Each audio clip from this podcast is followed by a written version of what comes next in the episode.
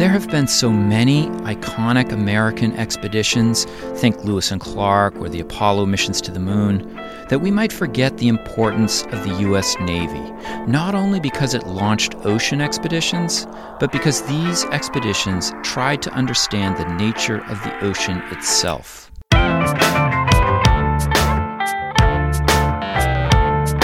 It's time to eat the dogs. I'm Michael Robinson.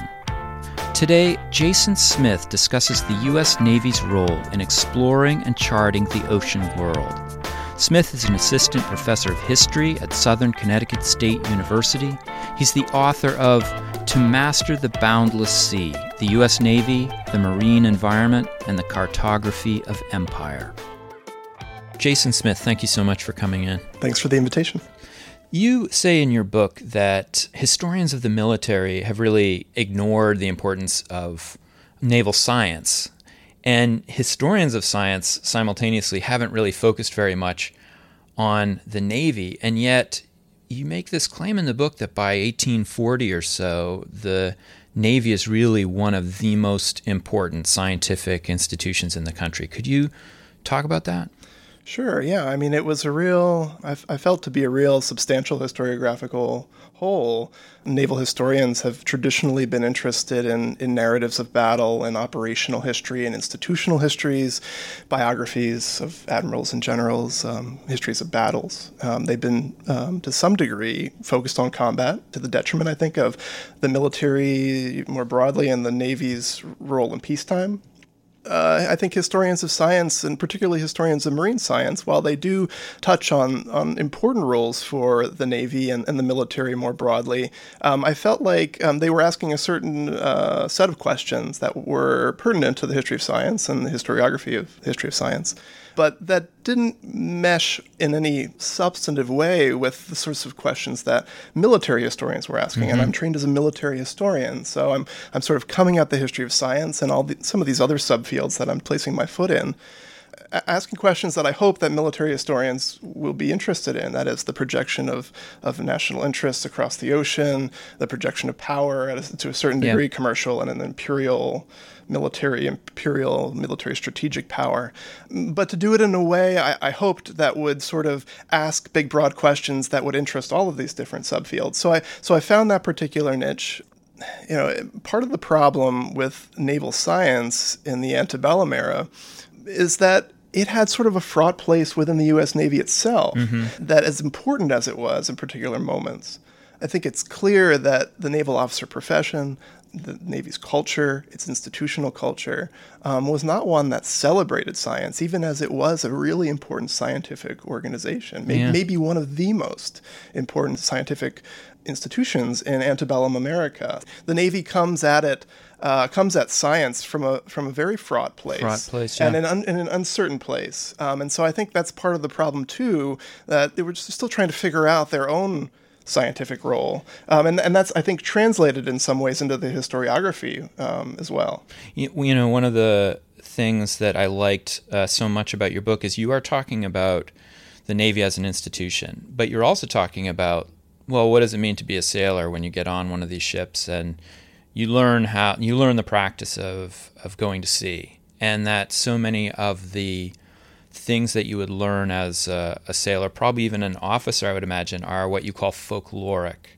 Uh, it's folkloric knowledge rather than scientific knowledge. So I was wondering if you could talk a little bit about the folkloric knowledge you would learn in the U.S. Navy. And then I'm going to ask you a little bit about how, how that might change. Mm-hmm. Well, I think that there, it seems to me in reading so many sailors and, and uh, seamen's journals and officers' uh, reflections on their duty that the sea is so fundamental to everything that they do. I mean, for to navigate a ship at sea is the most fundamental of practices. Uh, and the sea as a space, as a as an elemental force, as a presence, is is pervasive in seafaring, whether that's in the merchant marine or the whaling fleet or mm-hmm. the or the navy. And so it struck me that that was a part of seafaring that everybody sort of accepted as true, but one that wasn't really examined all that carefully or interrogated all that much. What did the sea, the experience of seafaring, knowledge of the sea mean to these people? Why was it important to their everyday lives? Why was it important to the practice of navigation? Why was it important to this bigger sort of strategic questions about what the you know the Navy was intent on doing mm-hmm. throughout the 19th century. Uh, what was the place of the ocean? And so one of the the purposes of the book was to place the ocean pretty centrally within the narrative, which was something that again I think all people would agree that the sea is central to seafaring, but something that needed I think to be examined a little bit more deeply. But I, I became fascinated then in examining those questions with how it is that knowledge is gained, uh, spread, how the sea is understood by these people who, from the common, you know, seaman before the mast to the captain on the quarterdeck, how, how it is that that knowledge is is learned. Uh, and so, as you say, you know, I think that particularly in the early 19th century, as we see a gradual professionalization of navigational knowledge, you know, we see a really interesting coexistence, I think, of folkloric knowledge and a, a gradually more professional scientific knowledge. Um, and they, they sort of coexist together, sometimes easily, um, and, sometimes in tension with one another. Yeah. And so this is the sort of central work I think that naval hydrographers begin to do when, when hydrography, the study of ocean depths and currents and tides and meteorology, is institutionalized beginning in the 1830s. Is these hydrographers and surveyors and cartographers begin to see their role as sort of replacing these folkloric ideas of navigation that had yeah. always existed al- alongside emerging scientific knowledge for quite a long time replacing those folkloric understandings with knowledge and with expertise with theorizing that was based in empiricism and in a gradually professionalizing standard yeah. of inquiry could you actually give an example of like some folkloric knowledge that you know sailors were holding on to that then you know other people are trying to tell them like there's another way to to roll with this. Yeah. Well, you know, there's there's a great line or a few lines that come out of Richard Henry Dana's Two Years Before a Mast, published in uh, 1840, mm-hmm. uh, in which Dana, right, who's a uh, Harvard-educated student, yeah. goes to sea. You know, it's very much in, in a lot of ways out of his element. Uh, you know, and this is on a commercial vessel, not a naval vessel, um, where he's speaking to the cook, uh, who is telling him about these folkloric understandings that he has about Finns, Scandinavian Finns from Finland. And he, he basically, uh, the cook says, You Harvard boy, don't tell me, don't tell me about navigation. Don't tell me about taking azimuths and uh, celestial navigation, right? I know because I experienced, I witnessed yeah. it, I saw it, I formed conclusions of my own. You know, the, the, best school for him, and for I think it's representative of a general, if we can generalize about yeah. so many mariners of, of all kinds of different classes aboard ship. Mm-hmm. I think that was probably true, you know, across the board. That from the the lowest sort of deckhand to the captain of these merchant vessels, they learn their trade through experience. They train their, learn their craft. They learn navigation through experience, and what they themselves witnessed and observed. And for them, you know, quite understandably, that was that was the most convincing evidence they needed to learn how to do what they yeah. were doing. And so it, it it was you know for an outsider, whether that, that outsider is a hydrographer coming from an institution like the Navy, who is you know of course a, a seafaring business, right, or sea, right. seafaring work, or whether it's you know some Ivy League undergrad. They don't want to be told by an outsider, I think, they're, they're, suspicious at least of yeah. a different way of thinking about this that it, that doesn't necessarily mesh with their own conclusions drawn from experience or or even passed down through the maritime community. Um, I, I, feel like this this or I think that this folkloric understanding, these folkloric understandings of, of navigation, um, are very much rooted in you know sort of intergenerational um, apprenticeships uh, almost, almost yeah. yeah. particularly among the officers of a ship, yeah. Um, where that that knowledge is passed down within families or within within sort of business circles. Yeah, there's a beautiful line talking about the kind of, well, I should say, one of the constructions of this new way of doing navigation in the in the Navy is the hydrographic chart. And you have this line from your book the hydrographic chart remained like a faded and shattered mirror of the environment it purported to represent, distorting and dissembling as much as it revealed. What do you mean by that? Yeah, I mean, well, I mean, I think that the hydrographic chart then becomes the tool, the instrument through which this hydrographic knowledge is transferred, and the case made of this emerging hydrographic science that this is information, this is knowledge that's worth embracing, right, and using. That's, I think, the hydrographer's way of really beginning to break down um, this suspicion within the broader maritime community. Um, and so the charts carried a certain authority, particularly from the people who made them, yeah. right? The cartographers mm-hmm. thought that these these were examples of of modern cartographic method surveying trigonometric method. We could talk a little bit about how these charts are surveyed and made. And they're they're imbued and invested with a good bit of authority, even as the process and the the representation of charting the ocean is such a challenge within the marine environment that so the chart provided some sort of visual representation of the watery world that these navigators, these these captains and and mast shipmasters were, were trying to navigate. Um, but at the same time, the sea was so vast and it was so dynamic as an environment. It was so deep and it was such a challenge to render on two dimension cartographic space that often these charts were wrong. Uh, just for uh, as a point of fact, were the charts essentially so how would it be different from let's say a land survey that people might be familiar with, you know, apart from like sounding depths, that sure, sort of thing? Sure. Yeah, I mean, the hydrographic chart would, of course, uh, prob- perhaps the most important piece of information that the hydrographic chart would, would carry would be the depth soundings, particularly as a ship came into coastal waters where they, they had uh, perhaps dangers of running aground. But uh, these charts often contain tide tables as well, right? I mean, this gets to the point of this ocean environment always changing, right? I mean, the, the, the, convergence of land and sea is always changing mm-hmm. along these very hazardous, circuitous, coastlines, uh, you know, which you can imagine keep up a, a, ship's navigator or a shipmaster up late at night, uh, worrying about you know possibly losing life and cargo on some uh, on some uncharted reef. Um, so depth soundings, tide tables. Um, sometimes the chart would include some sailing directions uh-huh. or some water's view of the approaches to a, a, port, a sort of coast pilot, what a pilot would see as he, he was navigating into uh, a harbor or a port so these charts could have any number of these things, and often they had had all of them. But you know, in a way that was is I think different from topographical mapping, um, as as difficult and challenging as that process yeah. is and that practice is. It was orders of degree more difficult at yeah. sea, where we're just ex- access, uh, th- not to mention the changing nature of the very environment itself, constantly, um, constantly yeah. meant that that that the process of hydrographic surveying was always uh, was always being undone or needing to be redone. Uh, you know, not to mention that you know seven tenths of the Earth are covered with right. this this watery you know nature. So one of the really kind of let's say the the most spectacular naval scientific event in the early 19th century is the U.S. exploring expedition.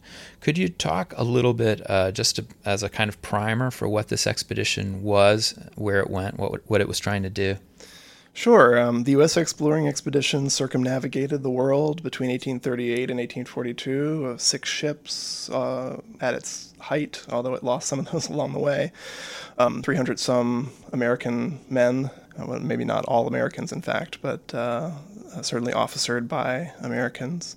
Uh, and its goal was to survey particularly the South Seas, the South Pacific, uh, for an emergent merchant marine, American merchant marine and whaling fleet that was mm-hmm. beginning to really venture into these waters in large numbers uh, in search of whales or new markets for trade. Um, and then, um, you know, I, I, think also as a concrete goal, um, at least as its promoters and its organizers uh, believed, it to be was uh, the, the exploration and, and the hoped for, the hoped for discovery of an Antarctic continent. Uh-huh. Um, you know, people, of course, uh, had known that land existed in that area, but the, the dimensions of the land, the extent, the scale of the land was unknown. And there were, of course, all these rumors about, you know, something of continental proportions, but it was unknown. And so um, the pursuit of the sort of glory of exploration in finding a new mysterious continent was something that, that attracted the interest of the American scientific community,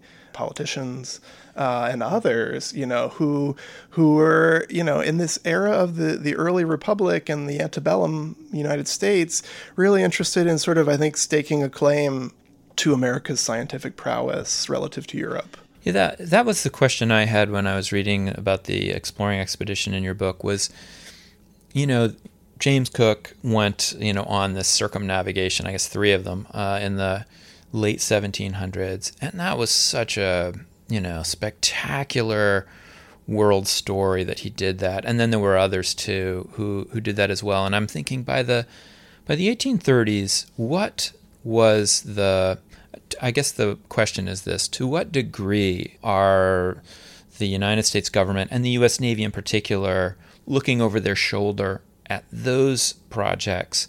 And to what degree is like now this is really an American thing. We're this is we have you know specific American you know uh, specific American goals in this. Mm-hmm. well of course it's both. Um, you know Cook and the British uh, and, and not just Cook but Ross and others um, are models uh, for what the Americans are hoping to do. Um, the officers of the expedition, the leaders of this expedition, um, are steeped in uh, reading the, the, the narratives that come out of those voyages. Uh-huh. In many cases, they're following the very charts that those those paragons of exploration made themselves you know, and so there are really interesting moments where, um, for example, the, during the XXs, this is the name that the, the expedition was referred to by the XX. It's uh, its first Antarctic cruise in the um, early um, winter of 1839, in pursuit of Cook's Ne Plus Ultra, the southernmost point that Cook had ventured before he had been turned back by ice and, and, and snow. Uh, and this this sort of fixed point on the ocean that these Americans knew by heart latitude and longitude, became deeply symbolic to them. Just wow. a piece of icy water, you know. But the idea that you can see it in the narratives of not just the, the official narratives that come out of the expedition, which are very rich, um, but the but the expedition's officers' journals, who that they're required to keep, um, some of the other um, um stuff that was that was published by um, members of the expedition afterward, you can almost feel a, a, sense of exhilaration as these guys approached this spot of water. And they are ultimately turned back short of that, um, yeah. and, and how disappointed they were. But this, this, there's, there's this really interesting use of the European models as a way to claim legitimacy, 1st mm-hmm. of all. Like, you know, we're for real here. Yeah. You know, we, we, we belong in this community of the great scientific powers of the world. Uh, but at the same time, if we can just surpass yeah. the accomplishments of our great heroes, then we can also claim something that's unique for the United States, that we have superseded those. Um, and so I think that's an important uh, sort of trope in, in American exploration in that era is, is, you know, paying their due tributes to European explorers when the expedition is in Australia getting ready for its second Antarctic voyage in the, the winter of 1840, the the men that you know they go to um, the last known spot where La Perouse, the French explorer, yeah. left on his ill-fated voyage, was never seen again, uh, to pay their respects. Um, they go to this well in Australia, uh, outside of Sydney, where Cook watered his ships and drank from the well. I mean, quite literally and metaphorically, yeah. drinking from the font of navigation, of exploration. So they see themselves history. as part of this absolutely story tradition. But but a hope that that that there's a sort of nationalistic rivalry going on here, particularly with the British. Yeah. Um, and you know this is common more generally of American the American Navy throughout the 19th century that it's it's both um, it, it, both seeks to emulate the, the Royal Navy in in some ways, yeah. um, at least in terms of its practices and, and its its sort of uh, its its its own um, sense of where it where it might go in the future.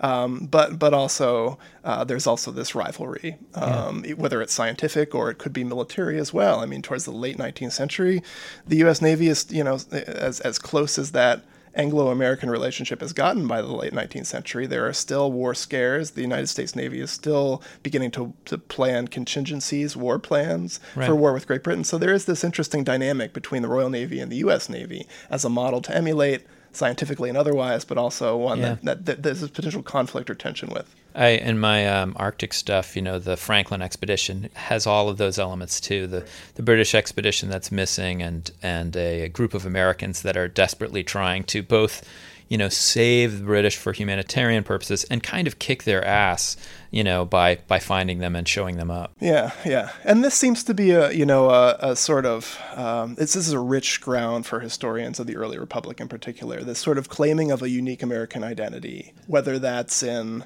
you know politics and celebration, um, this this creation of American nationalism, and that happens on land in the early republic and in practices of, of, of, everyday life and in politics, but it also happens at sea, and you find it, I think, most richly in this era at sea, at least in this scientific rivalry and tension and cooperation. I mean, yeah. this is a, this is another point about hydrographic surveying and chart making is that it's a even in the 19th century, it's both a nationalistic effort, but it's also a, a cooperative, highly uh, international, highly international yeah. effort. You know, um, you had mentioned earlier the challenges of the hydrographic map as being something that in a kind of fixed two-dimensional form you're some, somehow supposed to represent this constantly changing three-dimensional structure. And Matthew Maury, who uh, joins that, or actually leads the Naval Observatory and Hydrographical Office in 1844, he's one of the guys who, in the history of science at least, we talk about as the guy who's trying to wrap his brain around this this project. I was wondering if you could talk a little bit about Maury, what he's trying to do, how he's trying to change the landscape of the ocean. Yeah, I mean, Maury is a central figure. Uh, you can't tell this story without talking about Maury, and a lot of people have talked about Maury, both in naval history uh, and in the history of science. I think, the history of marine science in particular. Um, yes, as you said, he uh, he assumes command of the what is in 1842 the Depot of Charts and Instruments, the Navy's first sort of scientific uh, organization within its, mm-hmm. its sort of administrative bureaucracy. In 1844, that becomes um, the uh, Naval Observatory and Hydrographical, Hydrographical Office in Washington D.C. But you know, Maury is an interesting. He's an interesting figure. Um, he um, immediately and quite inquisitively um, is is desperate for information uh, that will help the hydrographic office to the um, the observatory to uh, augment their uh, knowledge about the ocean, their navigational charts, uh, and the best way that he discovers to do that is to consult old ship logs. Mm-hmm. Um, that you know uh, he's continually frustrated in his early career as a naval officer before he gets to the depot um, by a dearth of navigational knowledge. These charts are you know as as we discussed earlier, they're imperfect and they show us just a very small bit of of what's out there. Uh, and so um, he, he immediately begins going through old logs, ship logs, for environmental information eh, to, in order to build these charts, to construct these charts.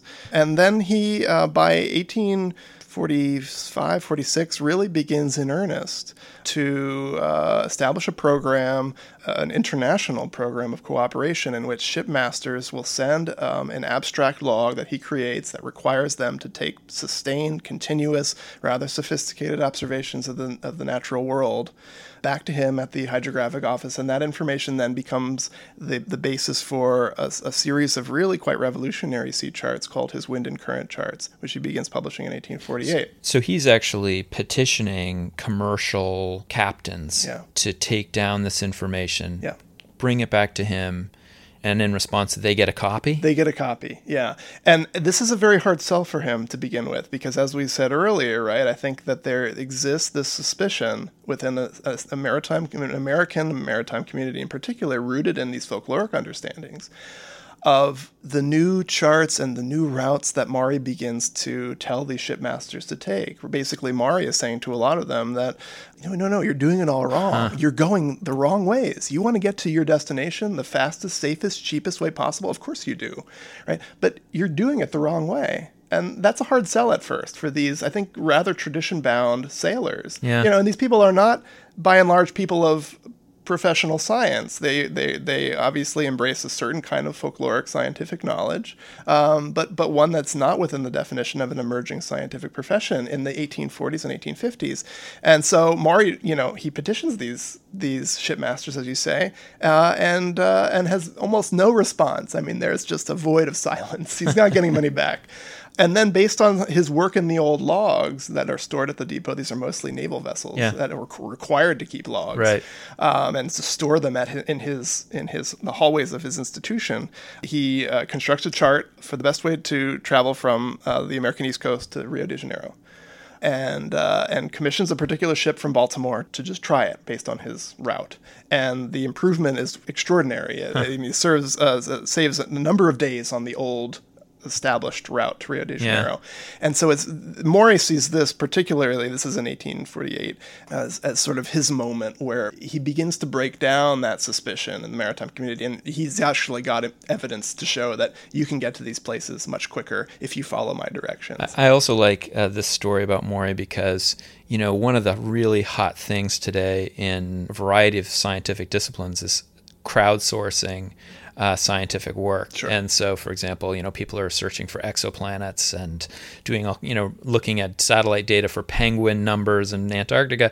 And like Moore is kind of actually doing this in the 1850s. Mm-hmm. He's he's hitting up people to do the work for him, which I'm sure he has a fairly small budget. That you know, and all these people are doing this stuff, and he's rendering it on the chart. Yeah, Maury is among the first to do to do a sort of crowdsourcing um, I think, uh, and you know, in that way was was pretty revolutionary. You know, Maury was bound not just by by budgetary issues, a small staff at the observatory, but also by the fact that he physically was in a stagecoach accident early in his career and couldn't go to sea anymore. He couldn't fulfill the um, the the standard responsibilities of an officer in the American Navy of his time, that is to command a ship at sea. Yeah, he couldn't do it anymore, and so he has he he sort of by virtue of that and and an innate curiosity about about navigation and scientific knowledge sort of inhabits this role at the depot where uh, others have written about this is not just my claim but that you know he he's in crowdsourcing this data and organizing it at the depot into these yeah. charts. I mean, he's essentially getting people to go out there and do what he phys- quick physically can't do, and you know, as one person, of course, or with a small staff, couldn't do in any real way anyway.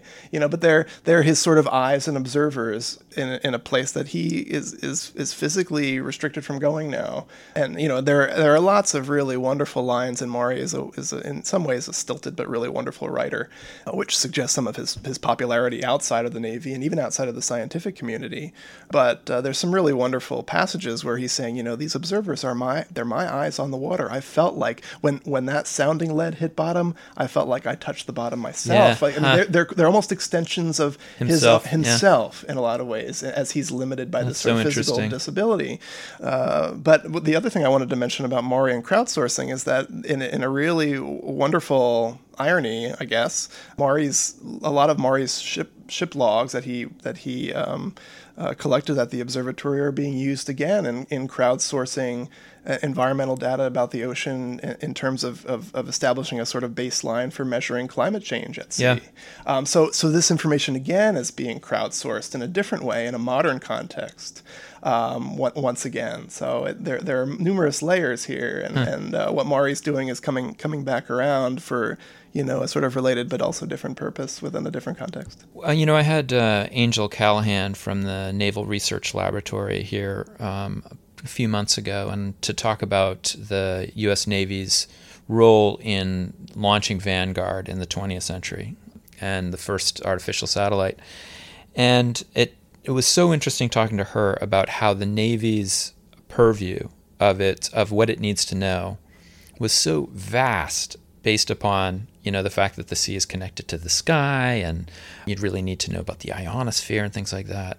And you make that case very clear in your book when you talk about let's say astronomy. You know the US Navy had an observatory that Maury was in charge of did the role of science change by the late 19th century are they is the US Navy still committed to science in the same way how does that story evolve um, you know, by the last chapters of your book. Yeah. Well, I'd say that in, in Maury's era, we see the, the maybe the closest convergence, and it's a very awkward and tense convergence between a military or a naval marine science or Navy directed marine science um, and uh, an increasingly professionalized academic, yeah. academically set um, scientific community. Um, they come together, and Maury is really sort of good, even though he has a, a lot of trouble bridging these worlds and holding them together even as they are increasingly moving apart.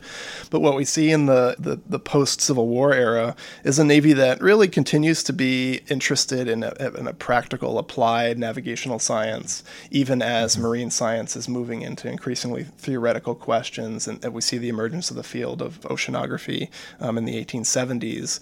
Um, and, you know, Maury is in some ways a sort of precursor to that, but uh, often he's, he's sort of criticized or dismissed for, for various reasons. But the Navy remains wedded, and, and, quite not surprisingly, remains wedded to this idea of collecting environmental knowledge, doing science for practical purposes, yeah. right? That navigation is the, the most important reason, and astronomy as well. Whatever sort of larger theoretical conclusions you can draw from the data is, is great. Um, but, but we're doing this primarily for practical reasons. That, that celestial navigation and astronomy's role in that is, is, is all about the practice.